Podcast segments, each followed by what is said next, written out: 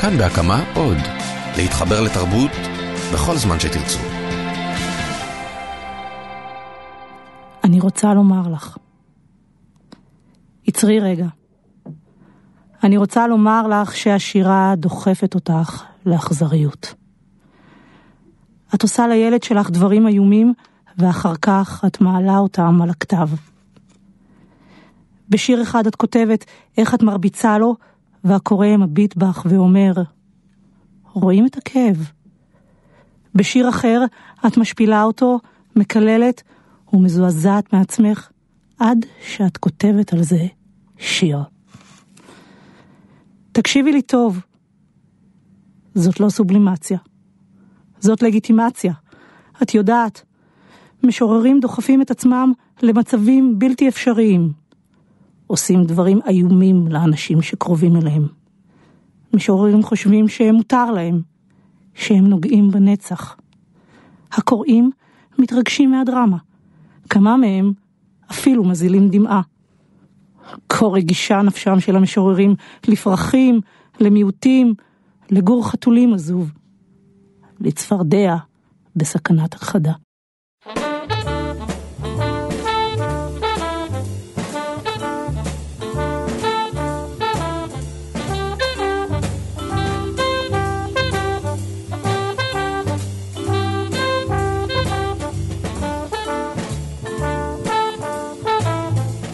היא נולדה ב-1968, בת הזקונים, לחמישה אחים. היא גם הייתה מאוד רחוקה מכולם, שבע שנים אחרי האחות האחרונה, זה מוטיב חוזר כמו שאנחנו נשים לב תכף.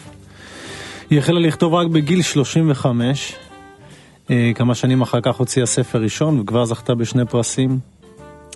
אה, מאימא לאמיר, בן התשע, ודנה, בת השש, נשואה לליאור, ארכיטקט מערכת. לא הקדישה לא רק את הספר הראשון, גם את הספר השני שיצא עכשיו, טעם הבת. שלום לאיילה בן לולו. היי, שלום. מה נשמע? אה, בסדר. משוררים הם אכזרים לפעמים, לא פחות מהדיקטטורים, אבל הם לפחות, הם רק כותבים שיר. כן, אני חושבת ש... הם לפעמים מעשה השירה הם... הוא לא כל כך הם... אמפתי. הם... יש איזושהי התכוונות מאוד מאוד פנימית בעצם, כתיבת שירים, ומיסוך, מיסוך למה שבחוץ. ולפעמים המיסוך הזה מוביל לאכזריות. זו שאלה מאוד קשה, אבל הרבה פעמים גם נוגעת לשירים שנכתבים, נגיד בצורה, אה, כמו שדיברת על דרמה וקתרזיס, על דברים שהם קשים הרבה פעמים. ובאמת, לפחות בשירים האלה, שהם נוטים יותר למלנכוליה ולעצב, כאילו אנחנו אומרים, רגע, אולי אני מחפש פה את, ה, את הדברים העצובים שעליהם אני אוכל לכתוב. כן. אבל בתכלס אני באמת מתרחק גם מהאפשרות, מהאפשרות באמת לתקן אותם, אבל אז הפחד שלא יהיה על מה לכתוב. כן, נכון, נכון, זה מין מתח כזה בין ה... זה מתח, אה, זה נכון, אתה נגעת בנקודה מאוד מדויקת, כי זה מין מתח כזה בין... אה, בין חומרי הכתיבה בעצם, שהפחד הזה מה, מההתקלות של חומרי הכתיבה, ואני קוראת לזה איזושהי התמכרות לכאב. וגם בתוך כל זה הרצון בכל זאת אה, לתקן וזה זה, זה מאוד מאוד מאוד מורכב כי התיקון כאילו משנה אותך ואז כשאתה מתוקן אולי אתה פחות משורר. יהיה לך טוב ולא יהיה לך על מה לכתוב. כן בדיוק. שוב כל עוד אתה באמת כותב על דברים קשים אני חושב שבשירה הישראלית יש באמת הרבה פעמים איזושהי נטייה לכאב ולמלנכוליה ופחות לדברים חיוביים שפחות נתפסים כשירה או שלפחות פחות זה המזג ואז מישהו יגיד לעצמו רגע אם, אם יהיה לי טוב על מה אני אכתוב. זה נכון, אני, אני, האמת היא שאני די מסכימה עם התפיסה הזאת, אני חושבת שזו תפיסה רומנטית, אני חושבת ששירה נכתבת בדם לב. ושינויים לפעמים שקורים, כי, כי אני חושב שבאמת כאילו מדינת ישראל בא גם בהיסטוריה, גם בהיסטוריה הכללית שלה וגם במסורת הספרותית, כאילו לא מאפשרת לכתוב על דברים שהם משוחררים, למרות שאני חושב שבשנים האחרונות כן שמענו כאלה, הדבר ראשון שעולה לי לראש זה מעיין, צ'יקי עם... אה, כן, אה, כן, זה נכון. המשוררים שקיבץ סביבה, זאת אומרת לא חייבים כל פעם כן. להיות אה, סופר דרמטיים, אף על כן. פי שהמציאות הישראלית מאוד מקשה עלינו לברוח מזה. כן, זה נכון, זה נכון. אני, אין, אין לי ביקורת. יכול להיות שגם הכתיבה הזאת, שהיא באמת אה, כתיבה של קצת שכשוך במימי העצמי, יכול להיות שהיא לא נכונה, יכול להיות שצריך להתרחק ממנה, יכול להיות שזה בכלל, יכול להיות שזה, שזו כתיבה שמקדשת יותר מדי את האני. ומתרחקת מהאוניברסלי, ויכול להיות שזו כתיבה שמפלגת אותנו, ולא מאחדת אותנו, אה, אבל אינני יודעת, אני, אני, אני, חושבת, אני חושבת ששיר צריך אה, או לגעת או לעשות משהו בעולם, וזה, וזה מה שחשוב. אבל תראה... דיברת על מימי עצמך, בוא, בואי נשתכשך קצת במימי עצמך. מימי עצמך זה היה בראשון לציון? אה, כן. 1968 כמו שאמרנו נולדת, בת כן. ל... בעצם היית, היו לך כבר חמישה אחים? היו לי ארבעה אחים, אני החמישית. כן. את החמישית? כן. ואת רחוקה מרחק של שבע שנים בעצם מאחותי. ממש בת זקונים קלאסית. ממש, כן, כלומר אני, והוריי גם אני חושבת ששמעתי את זה באיזשהו, באיזושהי פעם, אני חושבת ששמעתי שאני פשוט הייתי תקלה. היית תקלה. כן. או, איך זה לשמוע דבר כזה? אני לא חושבת שממש התייחסתי, אתה יודע, בתוך uh, כל שאר הדברים הקשים שהיו מסביב, אז ניחא עוד איזושהי אמירה שהיא לא, אתה יודע. אני אף פעם, אני ש, שמעתי סיפורים כאלה שאומרים לאנשים, אני אומר לעצמי, מה בן אדם חושב כשאומרים דבר כזה? אין לי שמץ של מושג. אני לא חושבת ש... אני לא חושבת, אני זוכרת את האמירה, אמ, אבל יחד עם זאת, אה, יחד עם זאת ש... ש... שהאמירה הזו נאמרה, יחד עם זאת גם הגיע חיבוק והגיע ו... אולי ואהבה. אפשר לבוא לכן, הדברים הטובים גם קורים בטעויות, כן, בצורה כלומר... חיובית לגמרי. אני חושב שכמה האנשים הנהדרים ביותר ביקום, הם נולדו בטעות. באמת? כן, יצא לי לפגוש כאלה. אז הנה, פגשנו עוד אחת. אה, אז בטעות נמצאת איתנו היום איילה בן לולו באולפן, הכל ממש בטעות. אה, הורים אה, ילידי מרוקו? כן, שניהם. שניהם ילידי מרוקו, שניהם דוברים אה, מרוקאית אה, מן הסתם. כן. ואת אה, ככה ככה רק, רק בשנים האחרונות בעצם הבנתי חוזרת לשפה. את יודעת מה רגע לפני השפה אמרנו ראשון לציון? כן. איזה שכונה? מרכז ראשון לציון. מרכז ראשון לציון, כן. וכמו שסיפרת לי בעבר, כאילו שכונה מאוד מגוונת מבחינת האוכלוסייה שבה. כן, מאוד מאוד מאוד. אני, אני, אנחנו שוחחנו על זה, זה נכון, אנחנו... מכל המינים והסוגים. נכון, אה, קומת קרקע חרדים אה, ליטאיים, אה, קומה, קומה עליונה, ניצולי שואה, ליד זוג צעיר, עולים מכל הארצות בעצם, וגם מכל המעמדות בעצם, כלומר בבניין שמולי היה, התגורר פסנתרן, פסנתרן ומנצח שכל שועי הארץ אה, ממש בוהם, אז בוהם. היו באים אליו, יפה ירקוני, ו, וצל, והצלילים של הפסנתר שלו היו נישאים, אה, היו נישאים בכל השכונה. וזה נשמע הרמוני מאוד. זה כן, וילדים אה, יורדים למטה ומשחקים למטה בחצר ומתערבבים אחד עם השני, ואני התערבבתי עם, ה, עם הדתיים והחרדים, ו... וכולם היו ביחד, כלומר, מה שאני מנסה לומר זה שבאמת... שפעם היה משהו מאוד מעורב, והיום זה כאילו הפך להיות שבטים. כן. כן. שבט... אני... ממש, כאילו, כן, כאילו, קשה היום כן. לדמיין כן. בניין כל כך מעורב ומגוון, ואת אומרת שזה לא היה יוצא דופן בסביבה הזאת. לא, אני חושבת שזה לא היה יוצא דופן בשנות ה-70, ומה שחל בתרבות הישראלית זה איזושהי, זה איזשהו סוג של אה, גטואיזציה של התרבות. בואי נקפוץ חזרה להווה, אנחנו נדלג מדי פעם. אה, תא המבט, ספר שממש יוצא עכשיו, כן, אוטוטו, עם חיוך מרוך על הפרצוף כמו שאת אומרת, כן, מאז כן. שהספר יצא, כן, אה, אז קודם כל בשעה טובה, תודה רבה, זה מרגש ומשמח. תא המבט, שזה כמעט טעם הבית באיזשהו מקום. וואו, אני לא חשבתי על זה, זה רעיון יפה. והחלק הראשון מתחיל באיזה שהם יחסים של נערה ובן אדם מבוגר, לא ברור, זה, פח, זה קצת יותר אמורפי מההמשך שבו היחסים שלך ושל אבא שלך הם הופכים להיות כמעט, אה, אה, או יחסים בכלל של נערות או ילדות עם, עם אבא, הופך להיות משהו מאוד, אה, מאוד מוחשי ומאוד מדובר. אף על פי שכשאני קראתי את הכותרת חשבתי מן הסתם שזה אולי תא מבט ש, שנולדה לך, אבל הנחתי שזה כמובן יצר גלים קצת אחרים. המתת חסד. אני רוצה לעשות אותך מאושר, אבל אין לי מה לתת. אתה מוטל שם, מביט בי, שולח נשיקות באוויר, מחכה שאנשק אותך. אני קמה מאצל מיטתך, סוגרת את הדלת, פותחת את החלונות לרווחה. בחוץ משתוללת סופת ברד. החזאים אומרים שעשרים שנה לא היה פה חורף כל כך קשה. אני לא באה לבקר, אני לא מטפלת בך. אין לי מה לספר. אני פה לצדך. הקרבה הזו בלתי נסבלת. אני גוערת מעליך, חולצת את שדיי מתוך החזייה. הם נופלים כבדים על שמורות עיניך, מתחככים בזיפי פניך הלבנים. אני מסלקת את צינור החמצן. תוכבת לפיך הסדוק פטמה כהה.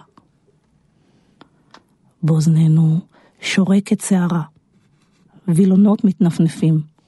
גשם מעוקם ורע חודר פנימה, צולף במרצפות בית החולים. אתה מניע את ראשך מצד לצד, כמו להבה של נר. עכשיו, אבא, אתה פשוט מוכרח למות.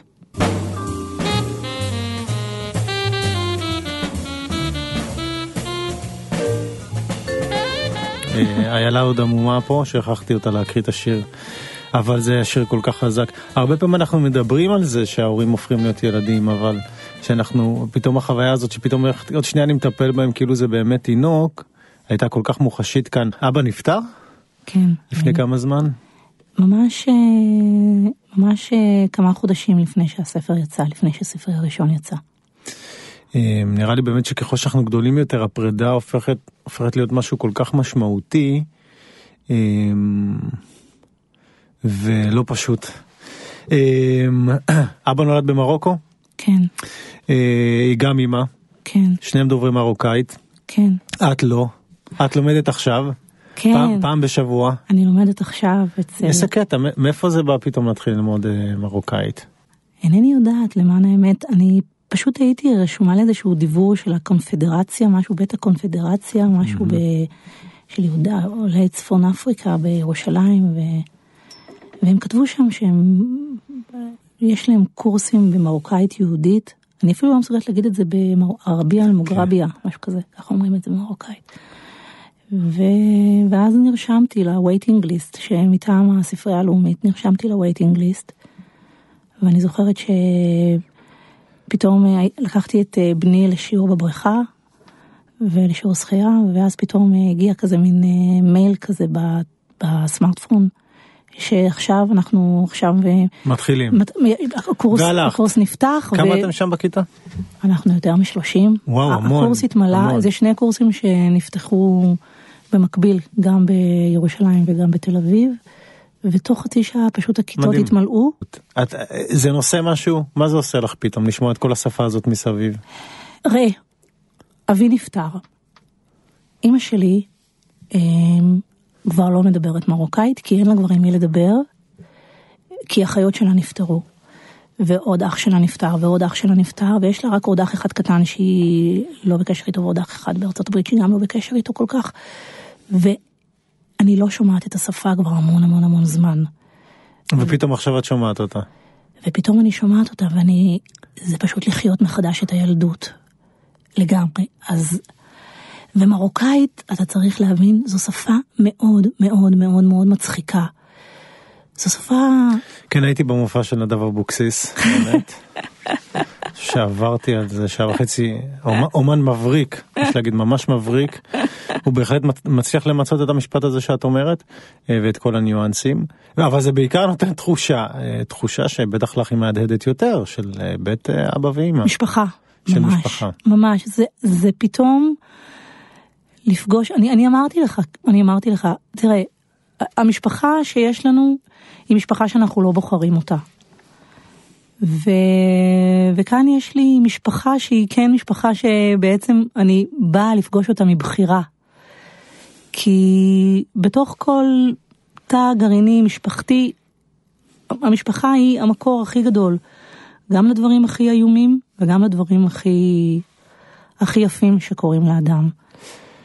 אמ, אז עשית את זה כדי בעצם להחזיר איזה משהו אה, אה, חזרה אה, דרך, דרך השימוש בשפה כי למשל אצל סמי שלום שטרית אני מוצא את השפה השזורה בתוך השירים עצמם אה, ואצלך אה, הרבה פחות. זה צורך בקשר אוקיי. ממש כי... משהו שחסר אין אותו אין אותו אני, איפה שאת נמצאת. כן אני, אני מאוד מרוחקת מהמשפחה שלי. וזה צריך להזכיר, את כן. נשואה לבעל שדובר תשע. שפות. אה, כן. אבל מרוקאית לא? אני חושב ש... ערבית הוא יודע, כן. ערבית הוא יודע. כן. תשע שפות. כן. בואי נדבר על עוד איזושהי בעיה עם השפה, אולי גם קשורה לזה שהתחלת לכתוב מאוחר.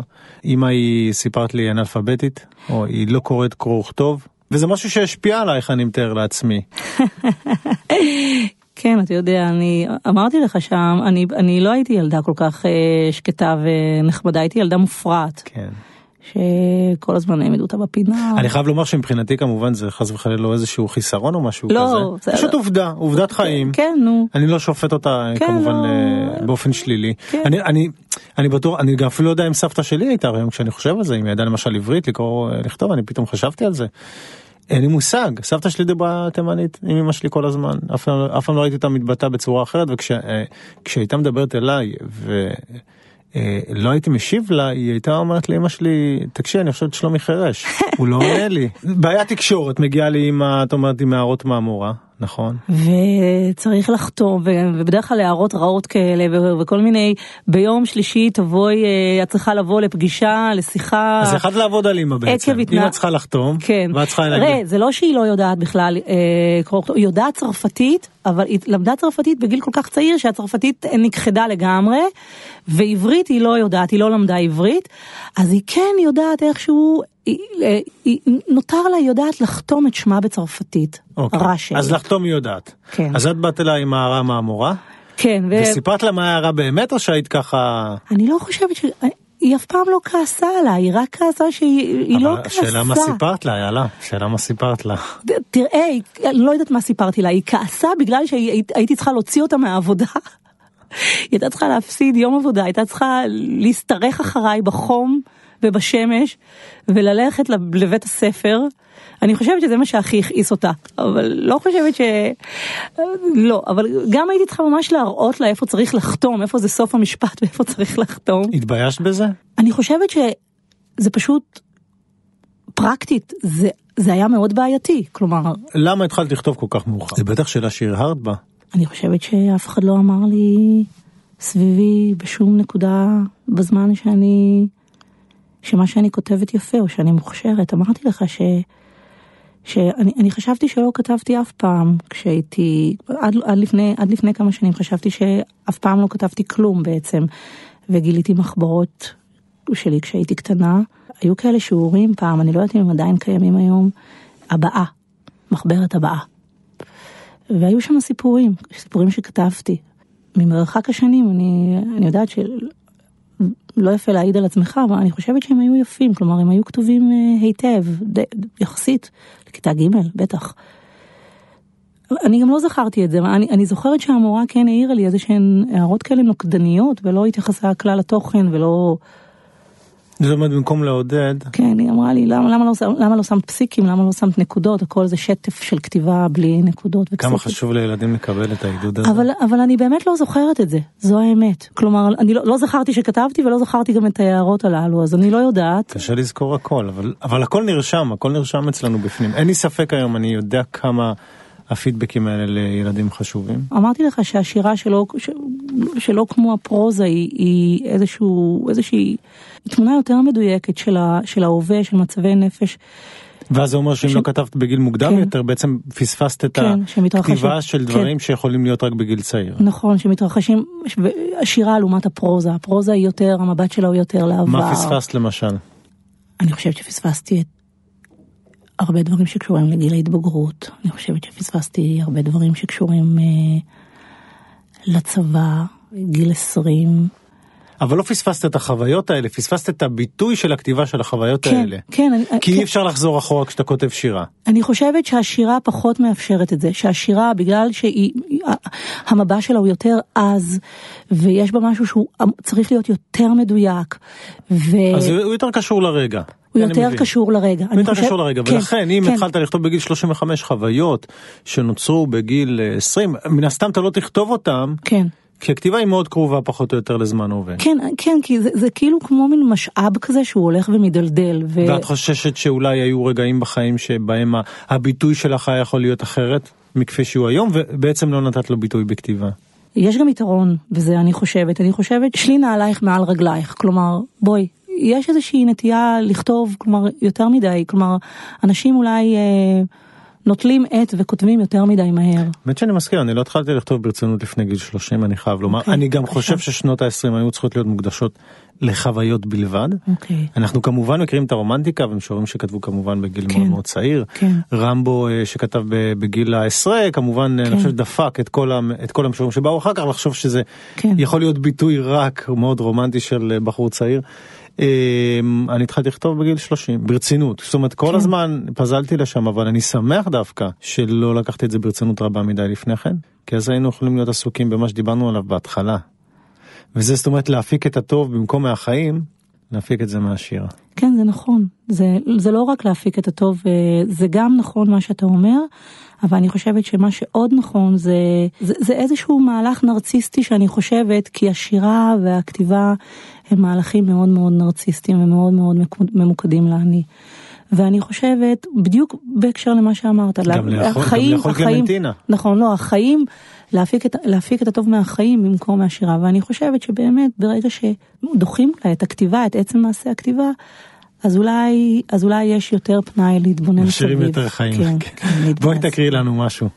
רונית. רונית. שם בדוי. נערת גומי עירונית. 270 מעלות על כל הצירים. מסובבת צוואר. מותחת ציצי. כמו מטבע יש לה שני צדדים. עץ. עיניים של ילדה. פלי פי טבעת. והוא נואם, נועץ ניבים בעורף, בצוואר, מטלטל מצד לצד בובה של סמרטוטים. היא משתדלת להיות טובה, לעשות לו הצגה. נעלמת כמו הודיני, לשווא. שפתיים, כוס, לשון, פטמה. גדמי תשוקה מתגוללים במגרש החנייה.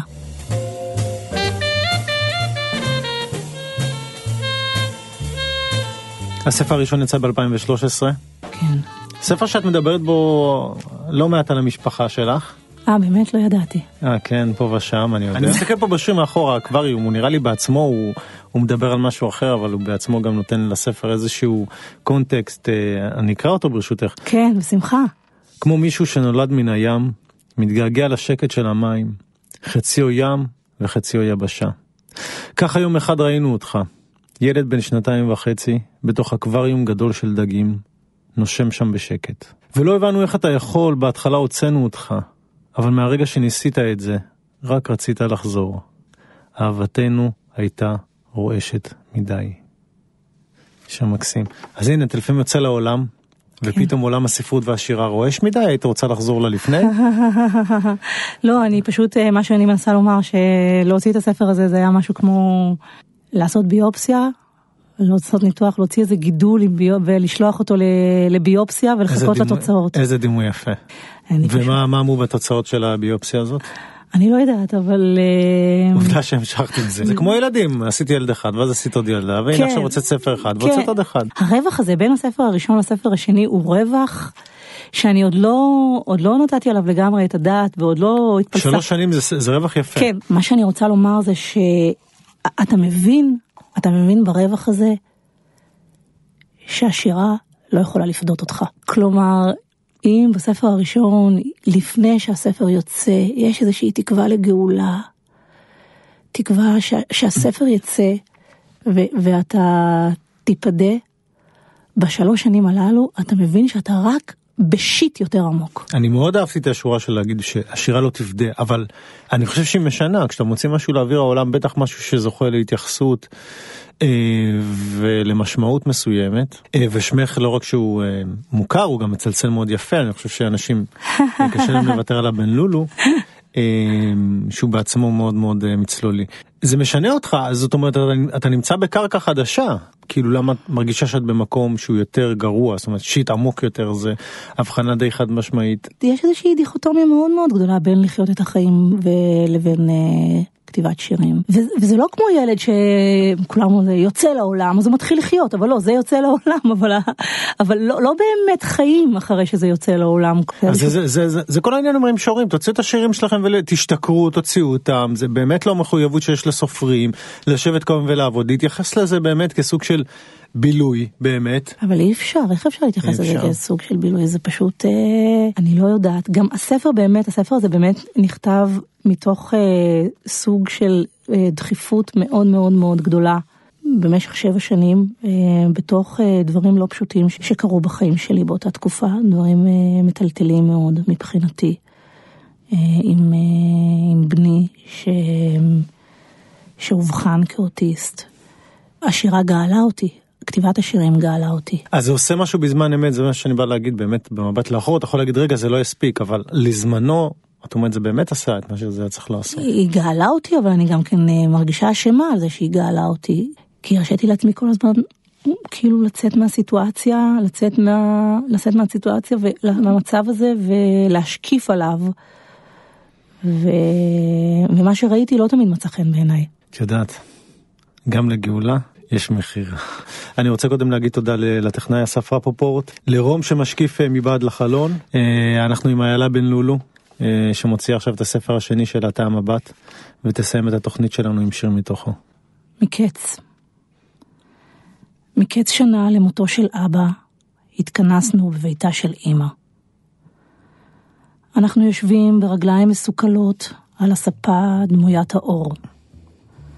מעבירים יחדיו את לשונותינו על המקום הריק.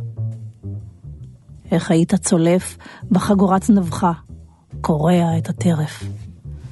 טעם הבן מתערבב בפיך בטעם הדם. טעם הבת נמסך אל בשרך. סתיו, עץ בחלון עומד בעירומו. בוויטרינת המזנון דולקים נרות של זיכרון. ושבע אנטילופות יתומות וטובות מראה, טובלות רקיק יגון בספל תה. thank you